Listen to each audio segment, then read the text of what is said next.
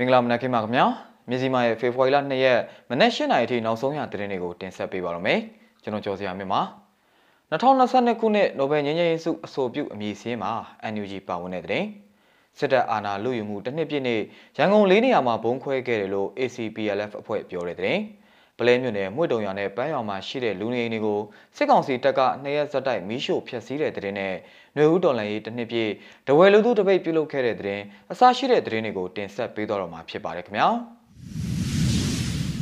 2022ခုနှစ်နိုဘယ်ငြိမ်းချမ်းရေးဆုအဆိုပြုအမည်စင်းမှာ NUG ပါဝင်တဲ့တဲ့နဲ့စလိုက်ချင်ပါတယ်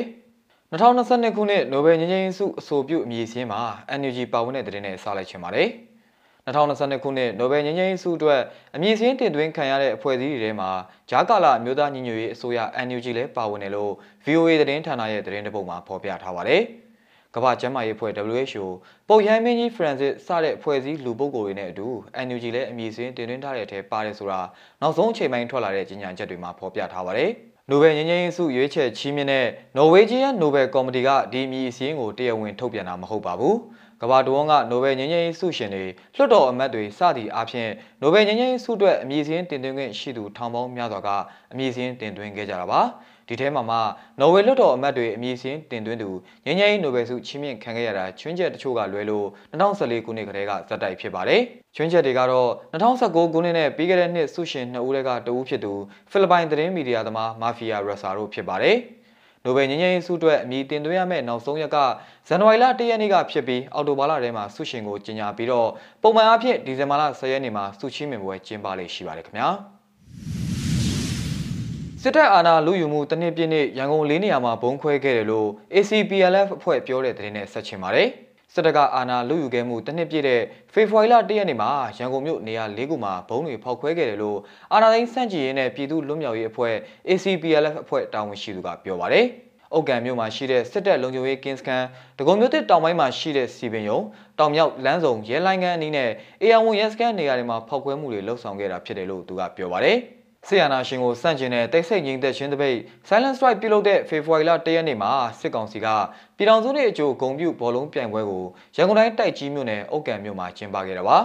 အဲ့ဒီပြိုင်ပွဲကျင်းပရာဘောလုံးဝင်းရှိလုံခြုံရေးယူနေတဲ့စစ်ကောင်စီကင်းစကန်နဲ့အာကစားပျော်ပွဲရှင်ပွဲကိုလာတဲ့နေမြေကန်တရင်မှုရဲ့ကားကိုအုတ်ကံမြို့ကံကုန်းကျေးရွာနီးရန်ကုန်ပြည်ကားလမ်းဝပေါ်မှာမိုင်းဆွဲတိုက်ခိုက်မှုပြုလုပ်ခဲ့တာဖြစ်တယ်လို့ ACPLF အဖွဲ့ဝင်ကဆိုပါတယ်။ မိုင်းခွဲတိုက်ခိုက်ခံခဲ့ရတဲ့တရင်မှုဟာဘောလုံးပြိုင်ပွဲမှာအပြန်မိုင်းခွဲဖောက်ခွဲမှုဖြစ်ပွားခဲ့တဲ့နေရာမှာတနက်၃လေးချက်ဖောက်သွားရလို့လည်းသိရပါတယ်။အလားတူဒဂုံမြို့တစ်တောင်ပိုင်းမှာရှိတဲ့စီပင်ယုံတောင်မြောက်လမ်းဆောင်ရဲစခန်းလိုင်းကန်အနေနဲ့ AR1 ရဲစခန်းအရှိတ်ချမ်းတွေမှာဖောက်ခွဲမှုတွေပြုလုပ်ခဲ့ပြီးထိခိုက်မှုအသေးစိတ်ကိုတော့မသိရသေးဘူးလို့ ACPLF အဖွဲ့တာဝန်ရှိသူကပြောပါတယ်။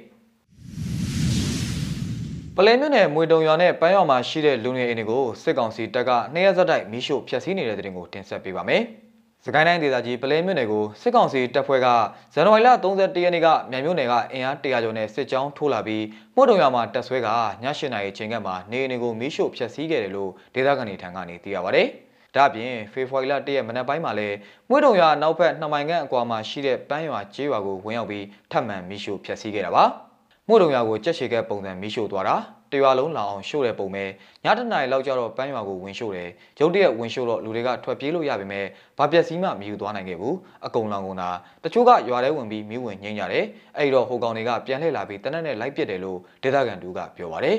အင်ဂျီ250ခန်းရှိတဲ့မှုတုံရွာဟာစစ်ကောင်စီရဲ့မီးရှို့ဖျက်ဆီးမှုတွေကြောင့်အင်ဂျီ200ခန်းဟာမီးလောင်ဖျက်ဆီးသွားခဲ့ရတယ်လို့ရွာကန်တွေကပြောပါတယ်။ ပန်းရွာဟာအင်ဂျင်800ခန့်ရှိတဲ့ရွာကြီးတရွာဖြစ်ပြီးစစ်ကောင်စီရဲ့မီးရှို့ဖျက်ဆီးမှုကြောင့်အင်ဂျင်200ခန့်ဆုံးရှုံးသွားကလူဦးရေထောင်ချီစစ်ပေးရှောင်နေရပါတယ်။မို့တုံရွာနဲ့ပန်းရွာဟာပလဲမြို့နဲ့နှစ်မိုင်ကျော်သာဝေးတဲ့ရွာတွေဖြစ်ပြီးစစ်ကောင်စီတပ်ဟာဖေဖော်ဝါရီလ၁ရက်မနက်ပိုင်းမှာတနယ်ကြီးရွာဘက်ကိုဦးတီထွက်ခွာသွားတယ်လို့ဒေသခံတွေကပြောပါတယ်ခင်ဗျာ။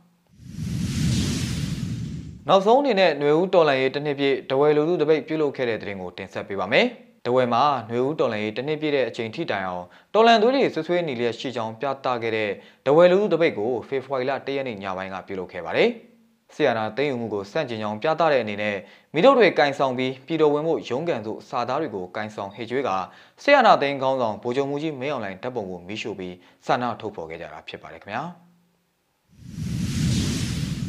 မြစီမားရဲ့ဖေဖော်ဝါရီလ2ရက်မနက်8:00နာရီထိနောက်ဆုံးရသတင်းတွေကိုတင်ဆက်ပေးကြတာပါ။ မြန်မာပြည်သူပြည်သားပေါင်းဘေးရန်တွေမျိုးမျိုးကနေကင်းဝေးကြပါစေခင်ဗျာ။